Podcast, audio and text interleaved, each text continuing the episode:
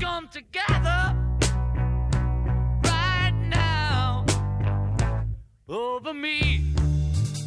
Bon dia, Carles Aledo. Hola, bon dia. Ahir felicitàvem Sir Paul McCartney pels seus 70 anys. Sí, efectivament. I avui tornem als Beatles, perquè de tant en tant cal tornar al quartet de Liverpool. Come Together, l'any 1969. Lletra de John Lennon i, segons diuen, és una altra cançó d'aquelles en les que Lennon parla d'ell mateix, s'autoparòdia, diríem, amb frases com ell té un aparador tipus Ono, però et pot trencar l'espinada.